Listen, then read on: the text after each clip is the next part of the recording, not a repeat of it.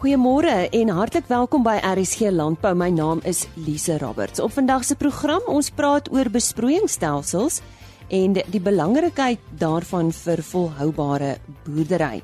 Dan praat ons met die Nasionale Wolkwekersvereniging oor 'n wolskaapopleiding en ontwikkelingsprogram vir kommunale boere waarmee hulle al 'n geruime tyd besig is. En ons gesels met die bestuurende direkteur van Beefmasters oor die vleisbande tussen China en Suid-Afrika. Ons gesels eerstens ver oggend oor besproeiing. Ons uh, gaan nou gesels met Willem Botha van Netafim en uh, uit die aard van die saak gaan dit oor besproeiingsstelsels. Nou uh, Willem het seker onnodig om te sê dat besproeiingsstelsels noodsaaklik is vir 'n volhoubare besproeiingsboerdery. En uh Wat presies is 'n uh, effektiewe besproeiingsstelsel sou jy sê? Ja, baie dankie Jenny en 'n goeie dag ook aan die luisteraars. Ehm um, vir my is daar drie aspekte van 'n besproeiingsstelsel wat baie belangrik is. Ehm um, as mens gaan kyk na 'n stelsel, dan moet dit die regte hoeveelheid water in die regte tyd en op die regte plek gee. Met ander woorde, daar waar die water nodig is en dit is dis waar die plan die die water kan opneem in in die wortelsone. So hierdie is my drie belangrikste aspekte van 'n van van 'n besproeiingsstelsel. En en die tendense in die besproeiingswêreld, wat sien julle? Daar is nogal heelwat uh, tendense wat ons sien, maar maar daar's hoofsaaklik drie wat vir my uitstaan. Ehm um, die eerste ene is is die gebruik van laer lewering druppers. Ehm um, waar ons byvoorbeeld in die verlede met 3.5 liters 4 liter per uur dripper gewerk het, is die tendens definitief besig om om afwaarts te gaan. En dan veral al laer as as ehm um, 1 liter per uur. Ehm um, dripper. So dit dit dit dit gaan oor die die fisiese lewering van die dripper en dan ook die konsep wat daarmee saamgaan ehm um, natuurlik die kontinuerlike besproeiing. Ehm um, so dit is die een tendens. Die tweede ene wat wat baie met hierdie konsep uh, saamgaan is ehm um, die gebruik van HDPE uh, pype uh, met ander waar jy 'n sentrale uh, pomphuis het en al jou hooflyne per blok gaan gaan uit na hierdie hierdie kraan of of gaan uit na die na die blokke toe. So elke besproeiingsblok uh, kan sy eie resep op die einde van die dag ehm um, hê. En dan is is die derde tendens wat ook baie uitstaan is is dat die dat ons besproeiingsboere is bereid om om geld te spandeer in in die uitleg en die beplanning van pomphuise. Ehm um, so dit gaan regtig oor die beste tegnologie en die uh, wat binne die pomphuise uh, gesit word um, op op om op 'n eendag ook ehm um, die boer suksesvol te kan maak. En so stel sal hoe sal mense hom beskerm? Ja, seker beskerming is seker krities uh, as ons werk met ehm um, laer lewering drippers. Um, dan beteken dit ook dat jou verstoppingsrisiko's hoër gaan raak. Ehm um, so ons moet ons moet uit en uit gaan om die stelsel te beskerm.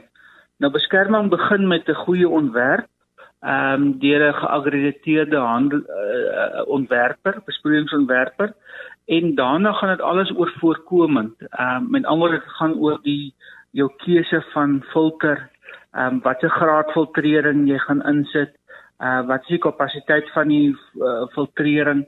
Ehm um, en dan gaan dit ook oor onderhoud. Ehm um, onderhoud kan uh, iets eenvoudigs wees deur die byvoorbeeld deur die gereelde spoel van jou laterale of andersins ehm um, indien nodig ehm um, moet mens baie keer inkom met 'n chemiese middel ook om om om sekere ehm um, probleme uh, reg te stel.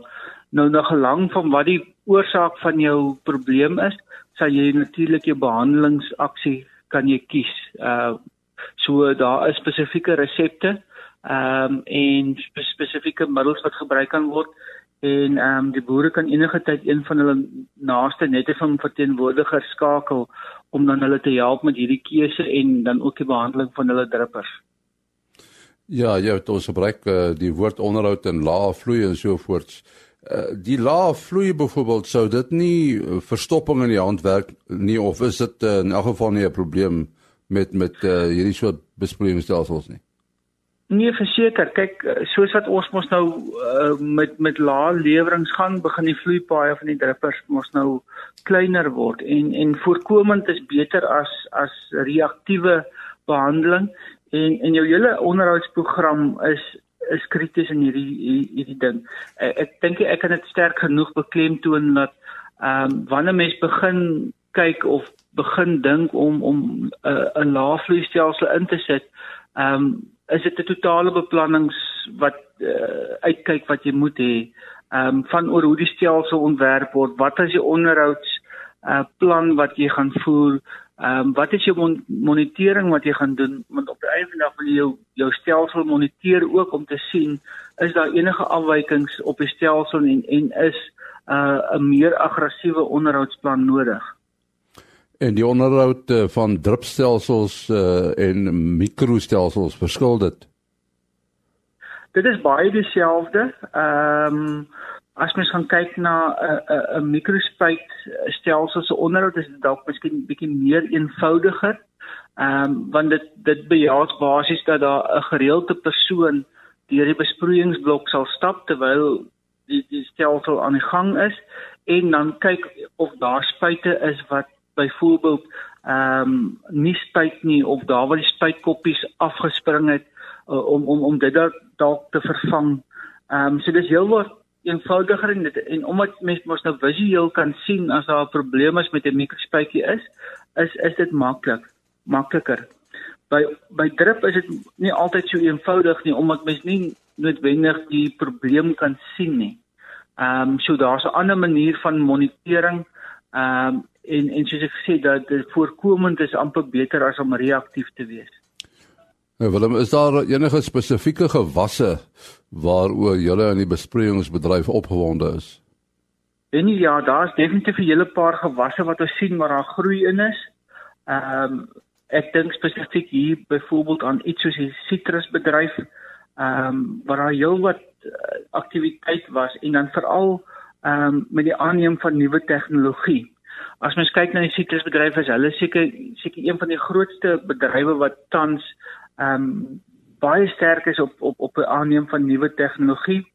daarmee saam en uh, in dieselfde mate en dalk miskien selfs beter uh, is die bloubesie bedryf. Ehm um, dit is definitief kort op die sitrusbedryf se hake. Uh, ten opsigte van tegnologie en dan dan ook ontwikkeling. En dan as as mens 'n paar ander gewasse kan uitsonder Ehm um, dan is dit die makadamia bedryf, die pekanneutbedryf, ehm um, en in 'n mindere mate amandels. Ehm um, en dan sien ons ook 'n groot belangstelling in die avokado bedryf ook. Ehm um, so dit is ook ook nogal 'n bedryf wat mens kan dophou. Nou ons sê baie dankie aan Willem Botha van Netafim. Die Nasionale Wolkwekersvereniging of NWKV het in 1997 'n gefokusde wolskaapopleiding en ontwikkelingsprogram bekend gestel om die uitdagings van kominale wolboere te hanteer. Nou die program word deur die Wool Trust befonds en deur die NWKV op kontrak met Cape Wool Suid-Afrika die uitvoerende afdeling van die Wool Trust geïmplementeer en ek gesels nou juis met uh, Leon de Beer, hy is hoofbestuurder van die Nasionale Wolkwekersvereniging hieroor. Leon, die sukses van hierdie program hang ook af van vennootskappe. Wie is almal betrokke? Goeiemôre. Goeiemôre Lise en goeiemôre aan die luisteraars van RSG. Ja, enige ontwikkelingsprogram op die skaal wat ons implementeer uh, is afhang uh, jy weet hang baie af van vennootskappe met ander rolspelers. Soos jy aanvanklik gesê het is dat uh, die Woltrust is ons ankerbefondser, maar ons het natuurlik sterk vennootskappe met nasionale, provinsiale en plaaslike regering. Kommersiële produsente is uh, toegewy tot hierdie projek, veral deur ons rampteelers. Uh, ons het internasionale donateurs, banke, tersiêre instellings soos die Universiteit van Pretoria, maar ook ander uh, tersiêre instellings soos Grootfontein en natuurlik die private sektor. Ja, so dit is 'n dit is 'n poging van almal wat wat uh, baat vind by die wolbedryf en ek dink dit is belangrik dat ou dit so doen. Verseker. Uh, Leon, waarop fokus die program? Eerstens uh, organiseer ons hierdie kleinskaal boere in in wolkwekersverenigings sodat hulle voldoende volumes wol kan hê om die formele mark te betree. Soos jy mag weet, uh, wol word bemark in volumes van tussen 100 en 200 kg in bale en as jy nie genoeg skape het nie, dan het jy nie genoeg wol daarvoor nie. So dis die eerste belangrike stap. Dan natuurlik opleiding en mentorskap. Uh, ons het 'n redelik omvattende program het ons gekry as 'n uh, diensverskaffer. Dan natuurlik die ontwikkeling van skeerinfrastruktuur met sterk ondersteuning van van met befondsing van die van die regering beide nasionaal, provinsiaal en plaaslike regering. En dan natuurlik uh, om hierdie produsente markgereed te kry en ook maar toegang te gee. Ek dink dit is 'n belangrike fase van van ons ontwikkelingsprogram en dan genetiese verbetering van ons kommunale kuddes waar ons vir hulle kwaliteit ramme teel en om hulle te help om beter wol te produseer. Van hoeveel boere praat ons? Hoe groot is hierdie kommunale wolskaapbedryf? Wel, ons het uh, met 'n opname wat ons saam met die Universiteit van Pretoria gedoen het 'n paar jaar gelede agtergekom dat hierdie produsente individueel tussen 70 en 113 skape het. Uh na beraming uh, in die Oos-Kaapse kommunale gebiede dink ons daar is omtrent 4 miljoen skaap en hulle produseer omtrent 8 miljoen kilogram wol wat nagenoeg tussen 13 en 15% van die Suid-Afrikaanse skeersel uitmaak.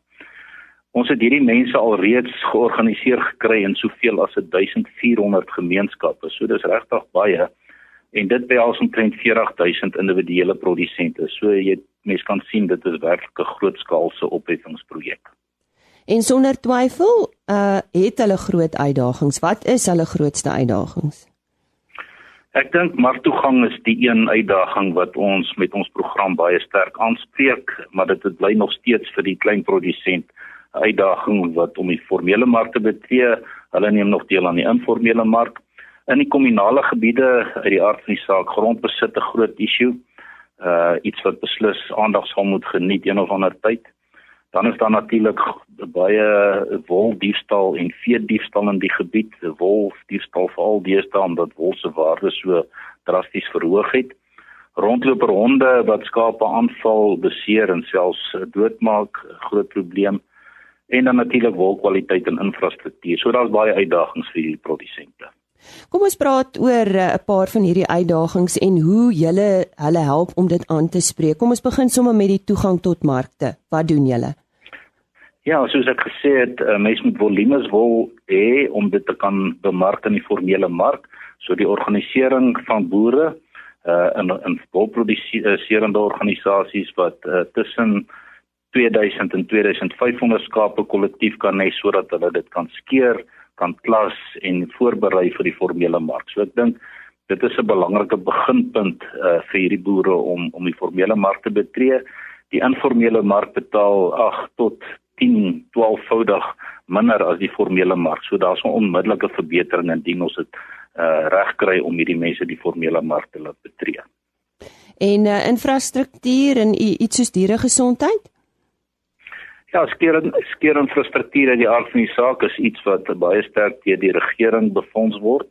Ons bou vir hulle skeerhuise met regeringsbefondse befondsing wat ook aan hanteringsfasiliteite het uh, met uh, die nodige skeerinfrastruktuur, skeertoerusting en dit fasiliteite is. Uh, so dit maak dit vir hulle moontlik om ordentlik te fasiliteite te hê om die wol te oes en te bevoor te berei.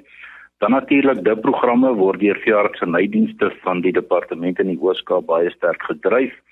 Ons het 'n opleidingsprogram wat ons doen onder die boere rondom uh diere gesondheid ook in samewerking met van ons insetverskaffings verskaffers.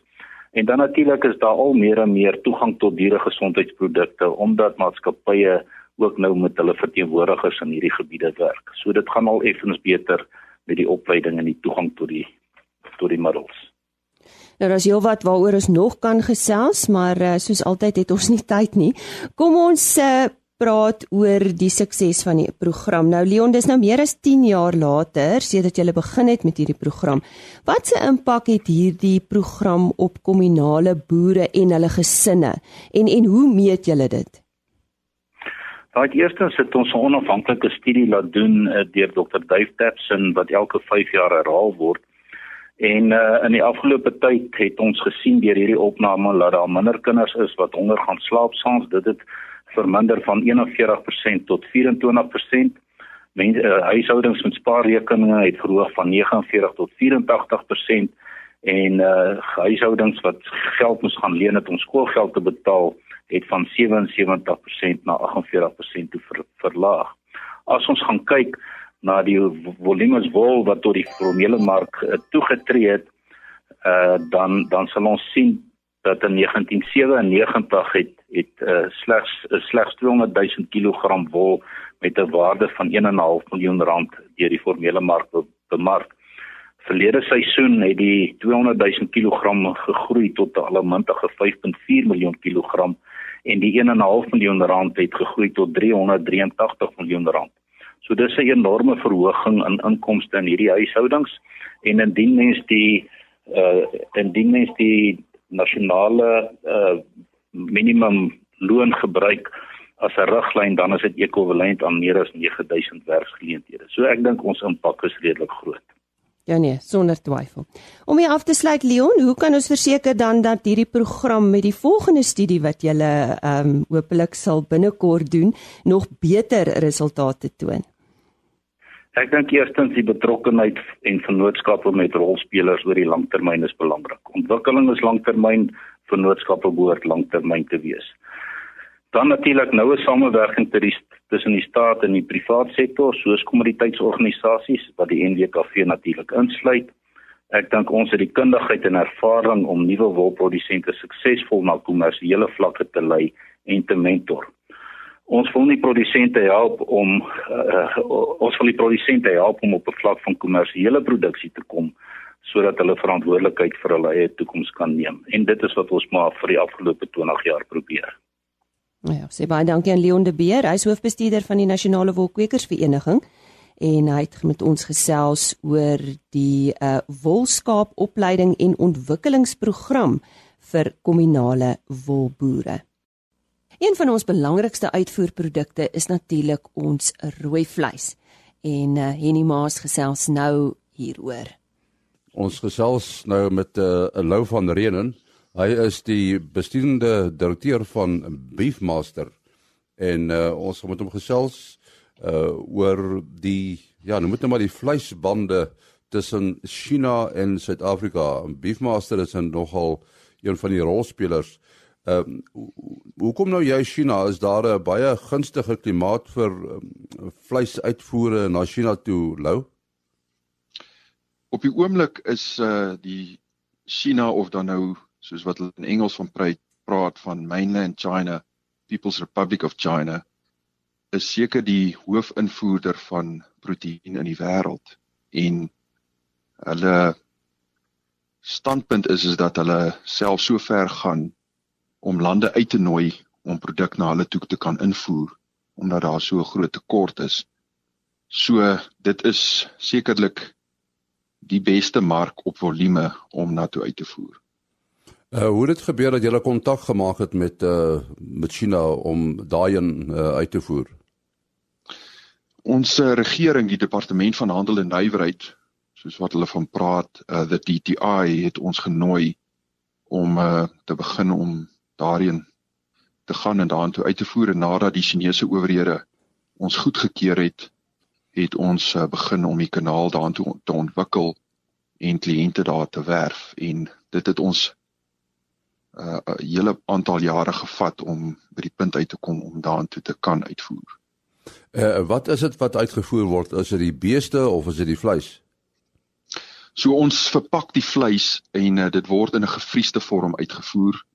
Op hierdie stadium mag ons nie vleis uitvoer wat ehm uh, nie bevrore is nie en ons mag ook nie afval uitvoer nie. Is is dit 'n uh, mark wat groei dink jy wat Suid-Afrika betref? Ek dink wat die wêreld betref, maar definitief Suid-Afrika ook want ons is maar 'n baie klein rolspeler in daai mark. Maar uh, by voorbeeld op die oomblik wat daar gebeur is is dat China het 'n uitbraak in African swine fever of dan nou varkpes soos wat ons dit ken. En uh die vermoede is is dat die aanvraag van beesvleis volgende jaar met selfs nog 20% gaan styg in China as gevolg van die vark ehm um, pesepidemie. Uh hulle voer nou vleis in. Uh is dit nou sommer net vleis of uh vra hulle spesifiek vir Beefmaster? Nee, ek dink hulle vra spesifiek vir Beefmaster produkte, maar dis nie omdat hulle die handelsnaam as sulk um, kan identifiseer nie. Hulle soek maar die die uh aanleg wat ehm um, goedgekeur is en dit is ZA 150 wat ons verpak hier in Kimberley. So dis die dis die handelsmerk wat hulle erken en dan vra hulle vir daai tipe produk vir 'n spesifieke mark. Ek wil ook net byvoeg dat dit komplementeer ons lokale markte en ook ons ander uitvoere na ander lande toe want dit is totaal en al 'n ander produk wat hulle vat in China as wat ons in Suid-Afrika of in van die Midde-Ooste se lande verkoop. Hulle vat byvoorbeeld nie die prima snitte wat ons in Suid-Afrika sal gebruik meestal nie. Hulle sal hulle sal ander tipe snitte vat en ons verpak dit ook anders vir hulle. En soos wat ek gesê het, dit is vroeëre vleis. En eh uh, die die ander tipe snitte, is dit maar nou nou net hulle voorliefde vir hierdie ander tipe snitte? Ja, dis maar dis maar meestal hulle kultuur, hoe hulle die vleis dan nou voorberei en hoe hulle dit dan nou hoe hulle dan nou dit aanbied in restaurante in China meestal. Jy kry wel uh gewone biefstuk soos wat ons dit ken, maar dan is dit in westerse hotelle wat ehm um, dit aangebied word binne 'n 'n tradisionele steakhouse. Wat wat mense nou nogal vind is te, dat daar sekere rasse is wat uh, nou werk aan sogenaamde handelsmerkbemarking. Wat is die geval met Beefmaster? Dink in ons geval spesifiek ehm um, het ons nie ons is nie gekoppel aan 'n spesifieke ras nie, maar daar is van die kliënte oor see wat rasgebonde is en dan verskaf ons wel daai rasse aan aan sekere aan sekere kliënte en en daarvoor kry mense 'n premie maar ons verkies om uh, werklik eintlik te probeer om volumes uit te voer. En uh, ek neem aan die Beefmaster boere uh, die die neem waarskynlik baie entoesiasties deel aan die projek. Ja, ons het ons het natuurlik boere wat baie naby aan ons beweeg en ek sal ook aanbeveel dat daar boere jy weet met ons kontak maak om die markte te kan uh, verbeter en dat ons meer en meer jy weet van die uh, die die beesvleis kan uit En, en hoe wissel koers sensitief is hierdie uitvoere? Dit is nogal dit is nogal wisselkoers sensitief en dit is maar deel van ons werk, so dis die risiko's wat ons neem wat 'n aansienlike groot risiko is. So as die wisselkoers sal verander met byvoorbeeld 'n rand teenoor die dollar, dan dit affekteer dit ons baie drasties soveel so dat ons tot op 'n stadium nie meer kan uitvoer nie. Maar uh dit ehm uh, ons probeer dit maar eintlik al verskans uh, en uh oor tyd het ons nou al geleer hoe om dit te doen. Ons sê baie dankie aan Lou van Renen, die besturende direkteur van Beefmaster. Dankie Henny en dit Die koringbedryf werk al 'n geruime tyd aan 'n omdraai strategie. Nou een van die mikpunte van hierdie strategie is om die gradering reëls aan te pas.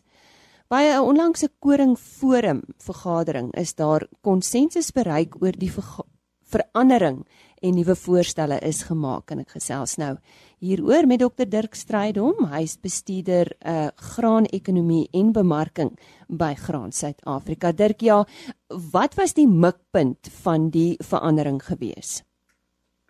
Elise, die mikpunt van die verandering was op die einde van die dag om te kyk om lokale produksie weer te kry dat ons dit kan kan laat styg en bietjie meer weer lokaal kan produseer en invoer vervanging kan laat plaasvind. Natuurlik om dit te doen moet ons produsente meer winsgewend kry, moet ons produsente kry dat hulle meer waarde vir hulle produk kry en dit was op die ou ende die dryf van die hele gradering verandering. So indirek wat ons probeer het met die gradering verandering is een om om die produsente meer winsgewend te kry en die tweede gedeelte is is ook om die, om dieselfde standaarde te probeer kry as waarteen ons invoer. So wat is die voorgestelde veranderinge? Ja, Lise, so die die voorgestelde veranderinge is is is tweeledig. Die eerste gedeelte is in term van die fisiese gradering self waar ons 'n bietjie minder grade in plek het en dit beteken ons het nou net 'n 'n supergraad, 'n B1 en 'n B2 en 'n B3 in plek en dan die B1 is 'n 11.5% proteïen en dan gaan hy af tot by 'n B3 by 9.5% proteïen en die supergraad is natuurlik 'n 12.5% proteïen. Nou deel van daai veranderinge is ook om na die vergoeding basis te gaan kyk en daar dit is is verandering ook aangebring in term van die gradering persentasie aftrekking tussen die graderings. En dit het dit het ook so bietjie afgekom so tussen 'n B1 en 'n B2 is daar nou slegs 'n 1% aftrekking en dan is die die die supergraad waar die produsente premie verdien van 2% bo op dit. So dit gee 'n bietjie 'n 'n kompenserende effek vir vir die produsente wat wat kwaliteit koring produseer en wat 'n hoë proteïninhoud het. Ja, so dis positiewe nuus. Nou hoe beïnvloed dit die produsent op grondvlak? Ja, ek dink wat wat dit die produsent help is die eerste plekke maak dit dit makliker om 'n om 'n gradering te kry. Die tweede plek maak dit die die die prysverskille maak dat 'n produsent daarmee addisionele inkomste in sy sak gaan kry weens die laer persentasie en dan die derde een wat vir ons baie belangrik is is ons help die produsent aan sy insetkant ook.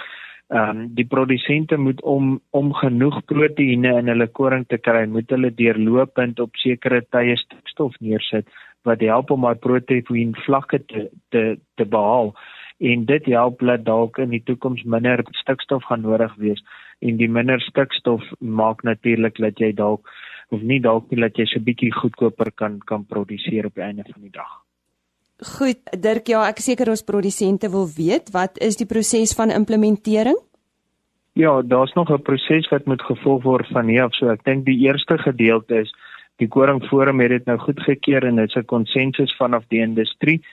So dit word nou ingedien by die departement landbou waar die normale applikasie proses moet gaan vir regulatoriese veranderinge en dan op met die met minister van landbou dit finaal goedkeur en dit aankondig. So daar is nog 'n proses wat moet loop in term van die regulatoriese kant. Dan is daar ook 'n proses in term van die JSE. Dis ingedien by die JSE, so die JSE moet ook veranderinge maak aan die Safex kontrak in die toekoms. So die verwagting is laat ons dit hopelik in die 2019 seisoen sal sal deurkry en in plek sal kry, maar daar's nog so 'n paar prosesse wat moet gebeur tot dan. Ja, ons hou duime vas daarvoor en ons sê baie dankie aan uh, Dr Dirk Strydom. Hy is bestuurder graanekonomie en bemarking by Graan Suid-Afrika en hy het met ons gesels oor die koringbedryf se omdraai strategie. Dit is dan al wat ons op ons program het vir vandag. Onthou môreoggend weer by ons aan te sluit dan uh, gesels ons onder andere met FNB Landbou oor die brandstofprys en die rentekoers en ons kyk ook na die vooruitsigte daarvan. Tot môre dan. Totsiens. RSG Landbou is 'n produksie van Plaas Media. Produksieregisseur Henny Maas. Aanbieding Lisa Roberts. En inhoudskoördineerder Jolandi Root.